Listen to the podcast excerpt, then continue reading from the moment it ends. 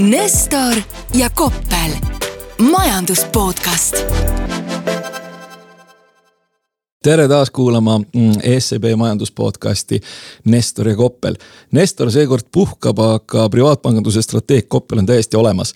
ja täna on meil külaline ja külalisega räägime me sellisest teemast, mis ühel või teisel moel praktiliselt meid kõiki huvitab. võib-olla räägime sellest teemast natukene rohkem investeerimise vaatenurgast, üldise pildi vaatenurgast.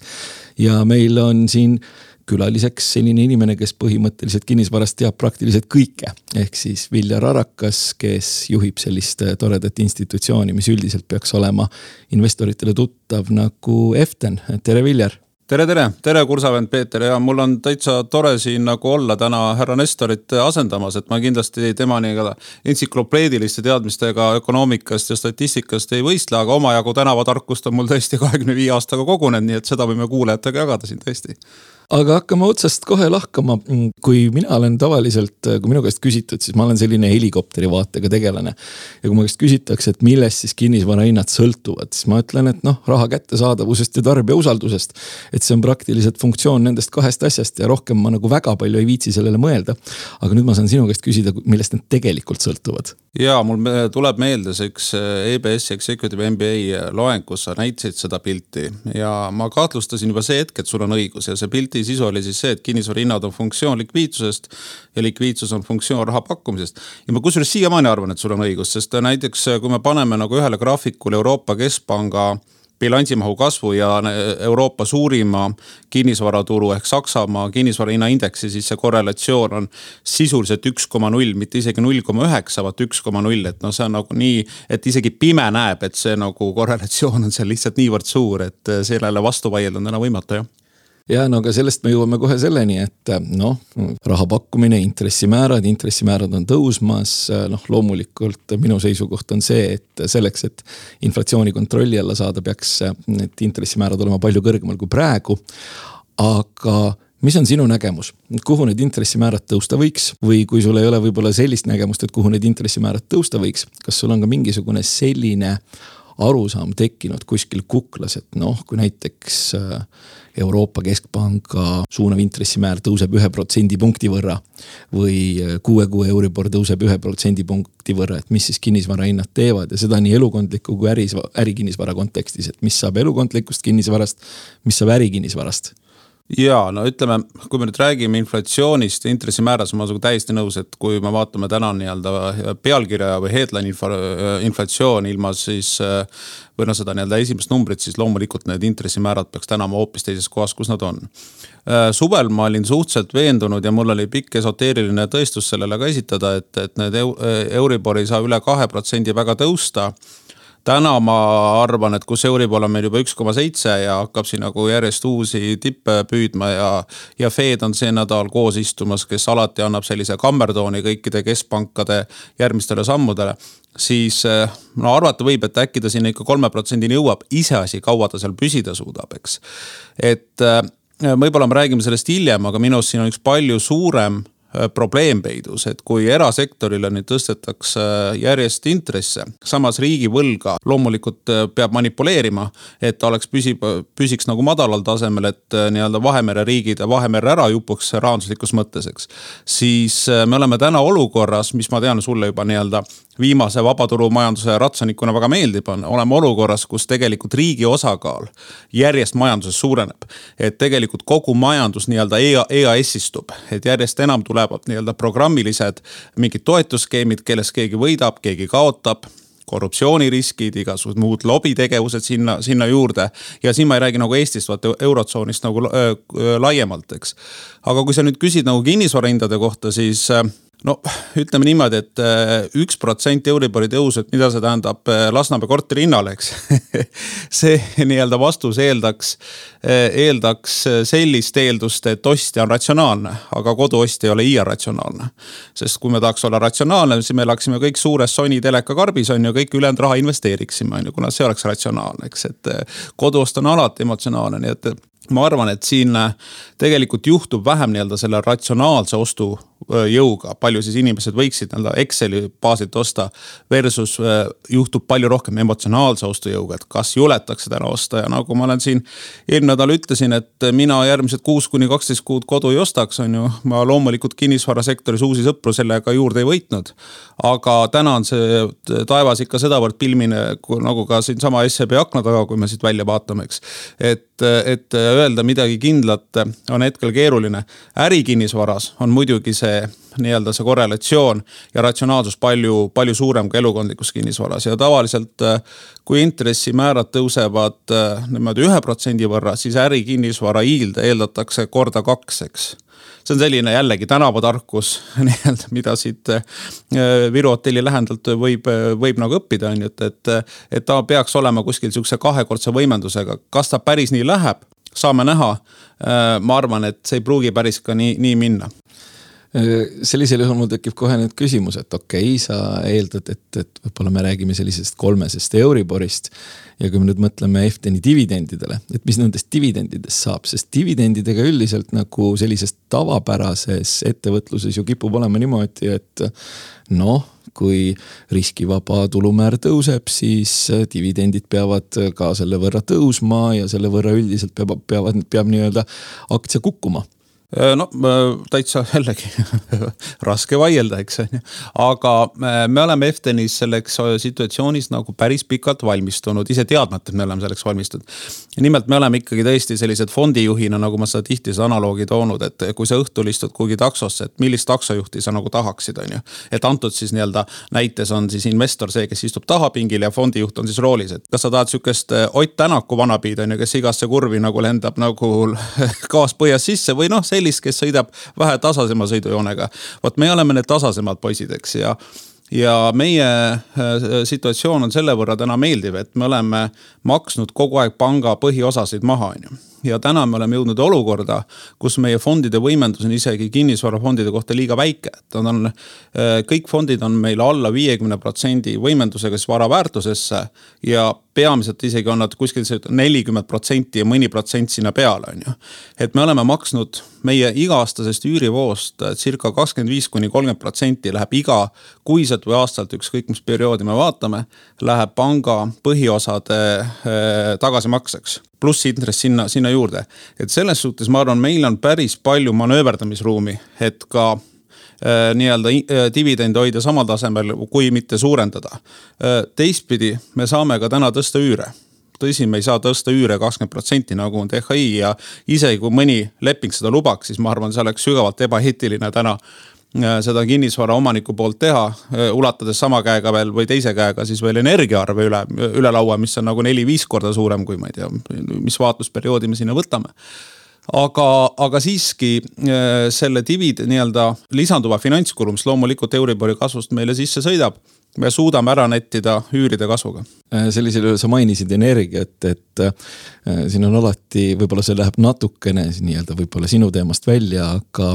kas sa seda energiakriisi ka kuidagi kommenteeriksid ja kas sa kuidagi kommenteeriksid seda, kas see on juba kuidagi teie äri nagu päriselt, päriselt mõjutanud? oo oh jaa, oo oh jaa, see, see, see on, see on kohal see on kohal ja, ja no ütleme, see pilt on nagu kurb, on ju, et jälle, kui sihukest äh, zooloogilist äh, vaatluspilti kasutada, siis mõni väikeettevõtja on täna ikka mõelnud, et noh, see lehm on mul nagunii juba nii kidur, et ega see ettevõtte kevadet ei näe, et mis ma seda siin ikka pean, et viin ta kohe parem tapamajja ära, on ju, et, et tõsi, sellist äh, minnalaskmismeeleolu on omajagu olnud väiksemate ettevõtete hulgus.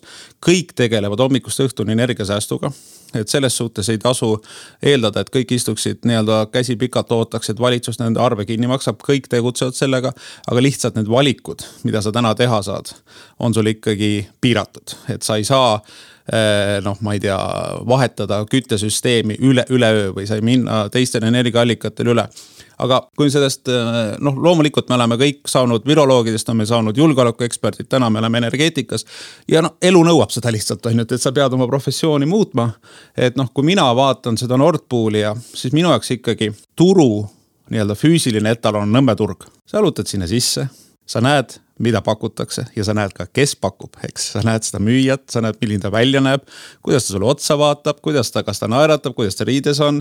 see annab sulle teatud informatsiooni, mis kaupa sa võiksid sealt eeldada, eks. nüüd äh, finantsturgudel sa müüjat ei näe kaupa sa näed ja tõesti, kaup on identne, et ei ole vahet, kas ma ostan Tallinki aktsia sinu käest või ostan ma seda Swedbanka käest, et noh, see on üks Tallinki aktsia, eks. Äh, Nord Poolil me ei näe mitte midagi, on ju ja tõesti, ma olen ka Nõmme turul tähele pannud, et näiteks iga tunni hapukurgi hinda ei panda marginaalpakkuja järgi paika, et, et kõige kõrgem pakkumine võidab, eks, et. et, et tõsi, ma saan aru, et loomulikult energiaturul peab olema tootmine ja tarbimine tasakaalus väikse tootmise ülejäägiga. aga, aga äh, nii-öelda, kui öelda, et see on täna elektriturg või energiaturg, siis äh, see on kõike muud kui, kui energiaturg, eks. ta on kindlasti mingi arbitraaži või selline nii-öelda äh, settlement house, eks, aga mis seal tegelikult toimub, et kuidas need sisendid sinna sisse jõuavad ja kuidas nad sealt välja jõuavad. et nii palju, kui ma olen kuulnud endast äh, sadu kordi targemaid energiainimesi sellest rääkinud, nemad ka sellest aru ei saa. et kui nemad juba sellest aru ei saa, siis ma isegi ei püüa sellest aru saada. et noh, mida ma tahan sellega öelda, on see, et mina usaldasin ka, et see turg on nagu päris turg. Nüüd selgub, et ta ikka päris turg ei ole. Äh, kui me vaatame, mida Euroopas on tehtud, näiteks Saksamaa see kuuskümmend viis miljardit on ju, kui me paneme selle suhtena SKT-sse, sellise kuuskümmend viis, mis, mis siis Saksa valitsus lubab majapidamisi ja ka ettevõtteid toetada, on kaks protsenti Saksa SKT-st. meil oleks seesama number seitsesada mingi miljonit eurot umbes ma saan aru, et siiamaani on valitsus öelnud, et majapidamistel tuleks appi mingi saja viiekümnega, ma olen mingit sihukest numbrit kuskilt näinud, ma ei tea, kus see arvutatakse. midagi nüüd räägitakse ka ettevõtjate seisukohast, aga mis asi see on, seda me täpselt ei tea, eks. samas, kui me teame, et valitsus nagu nii-öelda netib läbi Eesti Energia, mille äh, mille siis nii-öelda käive see aasta ulatub vist kuhugi kahe miljardi juurde. poole aasta pealt oli napilt alla miljardi, et netib sealt mingi viissada kuni seitsesada miljonit läbi aktsiiside, CO2 kasumi, käibe, noh, mis, mis iganes tululiigi siis ma tahaks seda öelda, et, et ainuke asi, mida valitsus praegu teha saaks, on lihtsalt see, et ta ei peaks selle pealt liigkasu teenima, selle energiakriisi pealt, eks. et, et peaks tulema ma, olen tegelikult ettevõtlustoetuste nagu selline veendunud vastane, eks aga minu arust, mida ainuke asi, mida täna peaks tegema, on lihtsalt see, et ütleme, aitama kuidagi need ettevõtted üle selle kütteperioodi ja ütleme, et järgmine aasta you are on your own on ju. et selle ajaga suudavad ikka kõik teha mingeid muutusi oma tarbimises, energiaallikates, erinevates uutes lahendustes. aga lihtsalt nüüd öelda, et te täna ei ole fikseerinud ja see on teie oma süü, seda on võimalik teha, aga ma julgen ennustada, et vähemalt üks, kui mitte, ma loodan, loodan, et ei ole rohkem, tänased elektrienergia müüjad, kes on neid fikseeritud pakke, pakette pakkunud, kevadet ei näe no siin on äh, erinevad tegelased arvanud, et, et Euroopas võib-olla see selline energiakriisist äh, jällegi riigiabiga välja tulemine läheb maksma kuskil viis kuni kümme protsenti SKT-st. Lehmani kriis oli kuskil kümme ja noh, selle, see, see oli raske, aga sellega võib-olla nagu enam-vähem tuldi toime.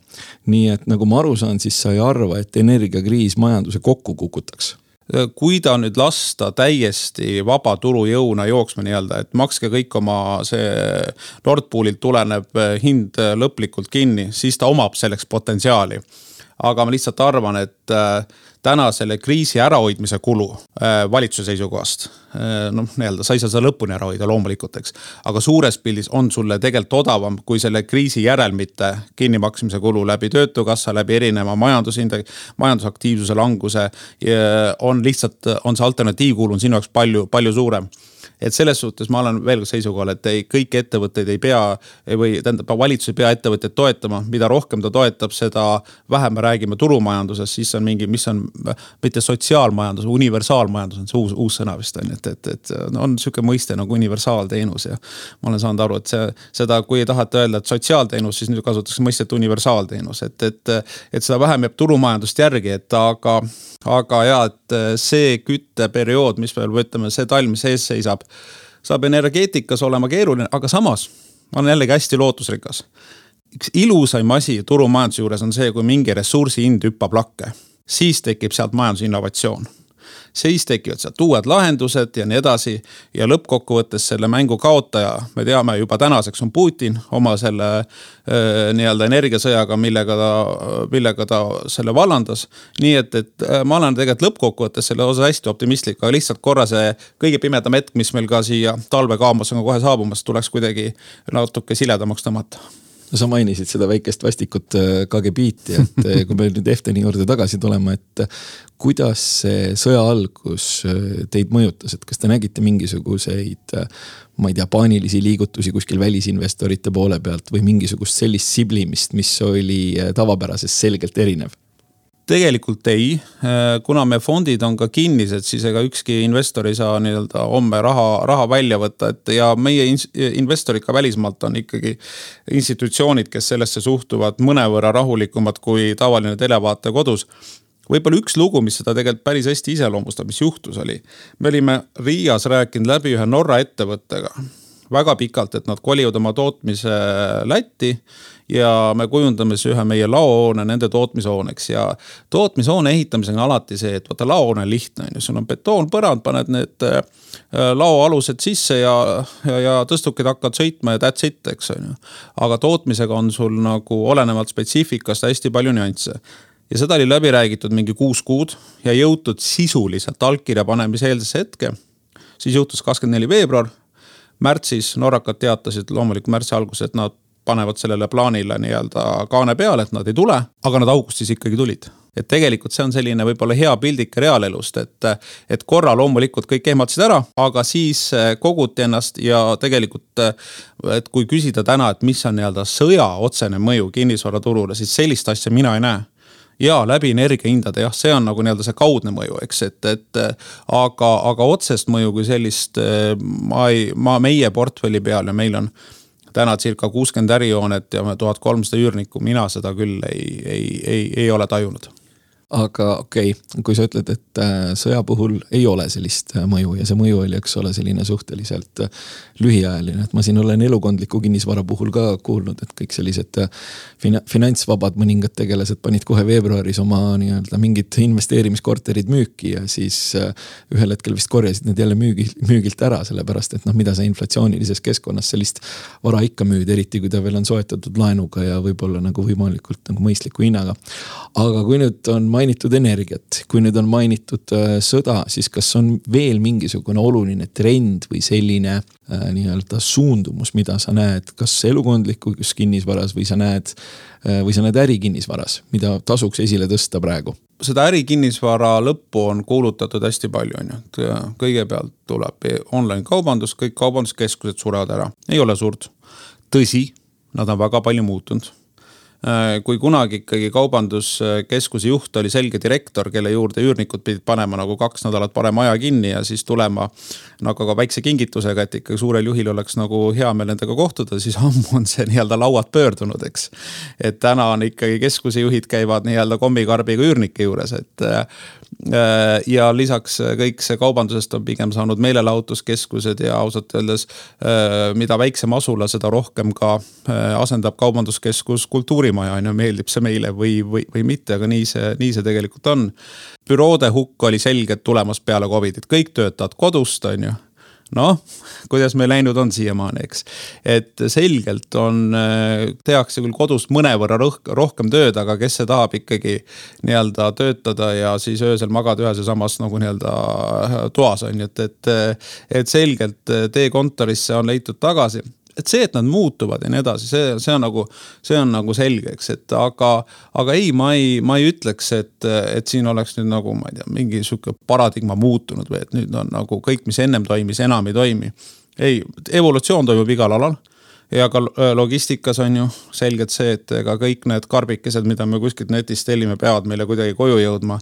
see tähendab, et need peavad ju kõik läbi logistilised kanalid läbima ja noh, neid logistikakeskusi läheb tänu sellele järjest rohkem juurde vaja. noh, see, see, on nii, see on igal, igal, igal pool nii aga ei, ma seda ei näe, et ja ausalt öeldes ma olen ikkagi, äh, ma tunnen ennast kuidagi nagu täna tänases keskkonnas eriti ärksan, et äh, mul on alati olnud väga keeruline sellisel äh, tasasel äh, veel, kus päike paistab nii-öelda, kui me võtame kinnisvaraturgu, et selline ülessõit mäest käib, on ju, kõik on väga ilus, kõik on väga hästi. ma olen alati kuidagi tundnud ennast selles ebamugavalt, et mida raskem olukord, seda, seda rohkem me tavaliselt liigutama hakkame ennast ja. ja ma mõnevõrra ootan seda teatava põnevusega, mida see talv meile toob, et et, et mis varasi on võimalik omandada, mis äh, varasi on võimalik ümber kujundada ja mida see üldse turule kaasa toob, sest äh, see, kui ikkagi õige näoga hakati küsima Yieldi Tallinnas, Riias, Vilniuses nagu Stockholmis noh, siis kurat, see ei ole põhjendatud, eks. et mul on ausalt öeldes väga hea meel, et see, see aeg nüüd korraks nagu läbi sai. no arusaadav, kas kaubanduspinda on liiga palju meil? Muidugi on. Ja noh, eks ta, eks ta muutub, no ega selles suhtes muidugi ei tunne, ei ole võimalik nagu seda kohe ümber kujundada, ma ei tea, milleks, et noh, see T1 on nagu ma arvan, selline kõige parem halb näide, eks, et mida sa sellega ikkagi täna ette võtad, et ma olen meie meeskonnaga seal ikka aeg-ajalt käinud kunagi ennem kui see, kui need protsessid siin peale hakkasid, ütles, et no et kui meil see keskus, mida me teeksime. no ei oska, ei oska midagi teada, no tõesti nagu selles suhtes omaaegselt nagu geniaalselt äh, valesti tehtud, et kui sa tahad jala majja saada, sa pead ümber maja minema, kui sa tahad autoga majja saada, sa pead ka jälle ümber maja sõitma, eks. aga, aga sellest nagu nii-öelda täna teha kortermaja nagu ilmselgelt ei saa, eks. Büroomaja ka väga keeruline, kuna pime aknaid ei ole, loomulikku valgust ei ole. noh, suur aatrium keskel, eks, et ega, ega nende ümberkujundamine on keeruline, aga nüüd äh, eeldada, et meid tabab selline nii-öelda kummituskaubamajade laine, nagu seda USA-s on, on ju, et äh, mida seal seitsmekümnendatel vorbiti kuhugi äärelinnadesse metsikus koguses. seda ma ka ei arva. ja tõesti, mida ma Hefteni portfelli pealt näen, mida väiksem linn seda parem, seda nii-öelda paremini see kaubanduskeskus toimib. et üks parimaid investeeringuid meil läbi ajaloo on Uku keskus Viljandis. siit Tallinnast võivad siin nagu nii-öelda äh, Kalamäe hipsterid öelda, mis Viljandi, mis asi see on, et noh, see ikka väike asula ja sihuke ja nii edasi. ei, ta toimib ülihästi, mulle Viljandi väga meeldib, just äh, eelmine nädal olin seal, nii et, et. et selles suhtes, äh, mida väiksem asula jah, seda paremini kaubanduskeskused toimivad. pealinna keskustel on kõige rohkem probleeme just tänu sellele, et pealinnas on nagu inimestel neid vaba aja veetmise optsioone, muuseume, ma ei tea, kinosi, erinevaid optsioone nagu võrratult palju rohkem kuskil väikelinnades ja näiteks Šauliais, Paneveesises Leedus, mis võivad tunduda ka nii-öelda kriitilisele, kriitilise meelega inimesele suhteliselt nagu öö, mahajäetud kohad, toimivad nad suurepäraselt. et kui me nüüd natukene võib-olla läheme sellest kinnisvarast eemale ja mm. noh, me ikkagi siin podcast'is oleme üritanud investeerimisest ka rääkida et noh, kinnisvarainvesteeringutes ma saan aru, sa oled ilmselt äh, enda fondides noh kaelani sees. aga väljaspool enda fonde mida sa teed väljaspool enda fonde, kuhu sa raha paned, kuidas sa raha paned, on sul mingid põhimõtted, ideed äh,, head mõtted ja ma siin salaja meenutan ka seda, et soovitusi me siin jagada ei saa. ja üks põhimõte mul see, et ma katsun odavamalt osta, kallimalt müüa. väga hea põhimõte. sellest ma olen üritanud kinni hoida, see on tulnud välja keskmiselt on näidata edulugusid ja on ka näidata vastupidiselt. tegelikult ma olen ise investorina suhteliselt laisk et mu oma päevatöö eeldab nii palju kohustuslikku kirjandust, et nüüd sinna kõrvale lugeda nüüd tonnide kaupa aktsiaanalüüse, mida osta, mida mitte, ma arvan, Peeter, ma ei tea, ma kujutan ette, sellest koosneb sinu päevatöö päris palju, eks. paraku küll. et vot seda mina teha selgelt ei jaksa, et siin ma olen nagu nii-öelda äh, lõdva käega ostnud erinevaid aktsiaid Tallinna börsilt ja mõned ka, mõned ka välismaalt on ju, ja mida kaugemale ma lähen, seda vähem ma neid osta julgen, eks aga, aga eks, eks ikkagi noh, kui nüüd fondijuht ei hoia üheksakümmend protsenti oma rahast oma fondides on ju siis on minu soovitus ka sinna teistel mitte raha panna. et eh, ma arvan jah, see kõik on loomulikult väga nii-öelda meie oma Efteni poole kaldu, aga, aga ka mul on, mul on, ma arvan, kuskil, kui ma nüüd vaatan seda SEB pangas seda nii-öelda seda investeerimisportfelli, no äkki seal on mingi paarkümmend nimetust, eks, aga kui sa küsid, miks nad seal on ja. ja millise ideega ma neid ostnud olen, mis on olnud mu investeerimistees on ju, siis see puudub, lihtsalt kõhutunne on mingi hetk öelnud, et kuule, et. see aktsia vist on heas kohas või siin on mingi kasvupotentsiaal, et, et öö, ostaks natuke no õnneks selle kohta võib vähemalt öelda, et noh, nagu sa mainisid et, et üheksakümmend protsenti on sul Eftenis. ja noh, sealgi kõik, kes viitsivad veidikenegi nii-öelda materjalidega tutvuda, et seal on see investeerimisfilosoofia ja tees tegelikult ikkagi päris, päris hästi formuleeritud ja paigas. ja, ja kusjuures ühe, ühe sammu ma nüüd tõesti ka tegin, et ma va äh, investeerisin vahepeal ka mingitesse startup idesse Eestis. ja noh, sihuke no, tihti tehakse mingi klubilise tegevusena, ma mõne asjaga läksin kaasa, siis ma mingi hetk avastasin, ma olen ühte startup'i investeerinud investeerinud, aga ei mäletanud, et ma sinna olen investeerinud, siis ma sain nagu enda peale kurjaks, et kurat, et noh, noh nii ka päris ei saa.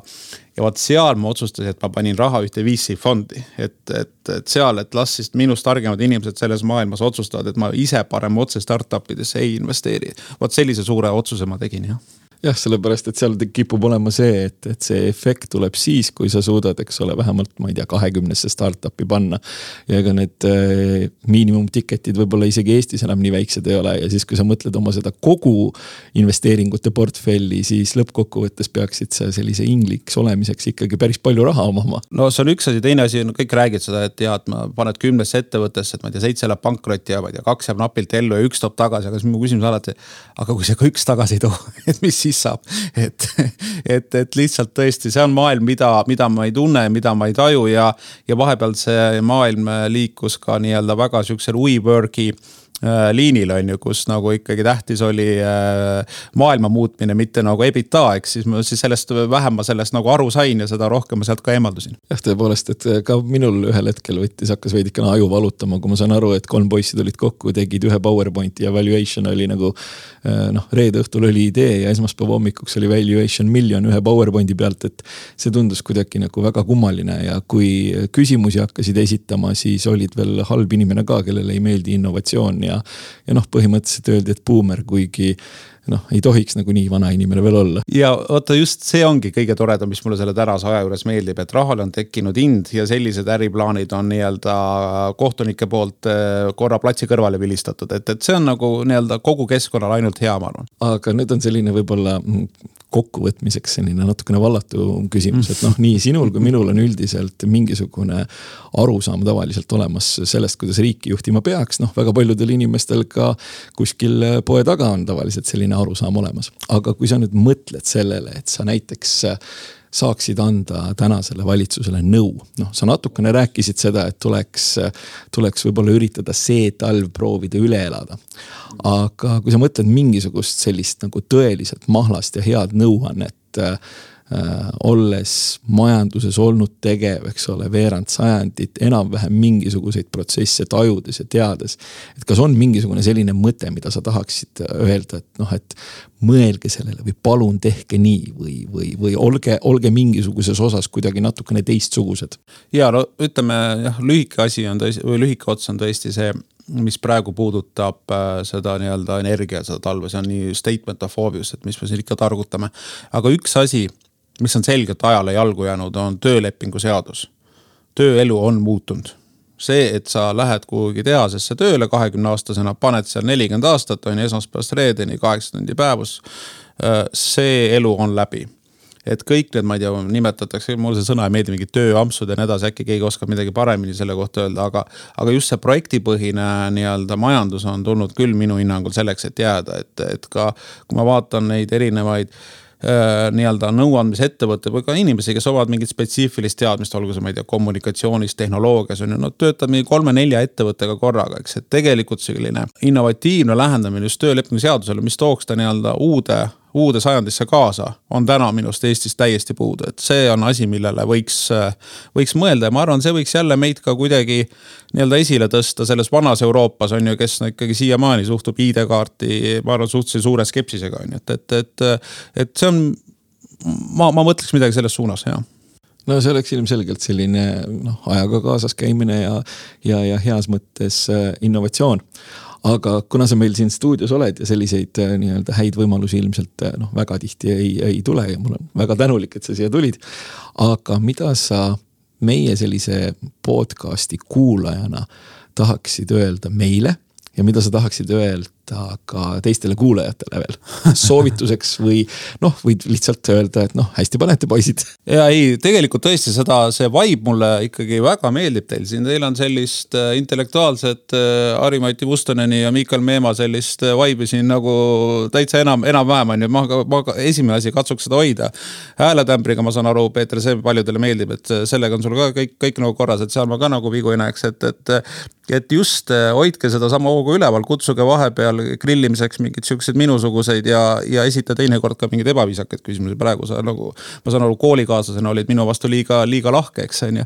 ja mina teie saadet igal juhul kuulan ja plaanin seda ka teha edaspidi ja tõesti see pool, pool tundi on väga hea et äh, tavaliselt kõik, mis juba üle selle läheb, siis nii-öelda, nii-öelda kui mõelda, et sa kuulad seda trennis äh, autos kuskil, siis see pool, pool tundi on nagu täpselt selline õige, õige formaat, jätkake samas suunas, härrased. aitäh ja nüüd ongi selline lugu, et see pool tundi sai läbi ja varsti jälle ja siis peaks olema ka juba Mihkel tagasi ja kõike head. Nestor ja Koppel, majandus podcast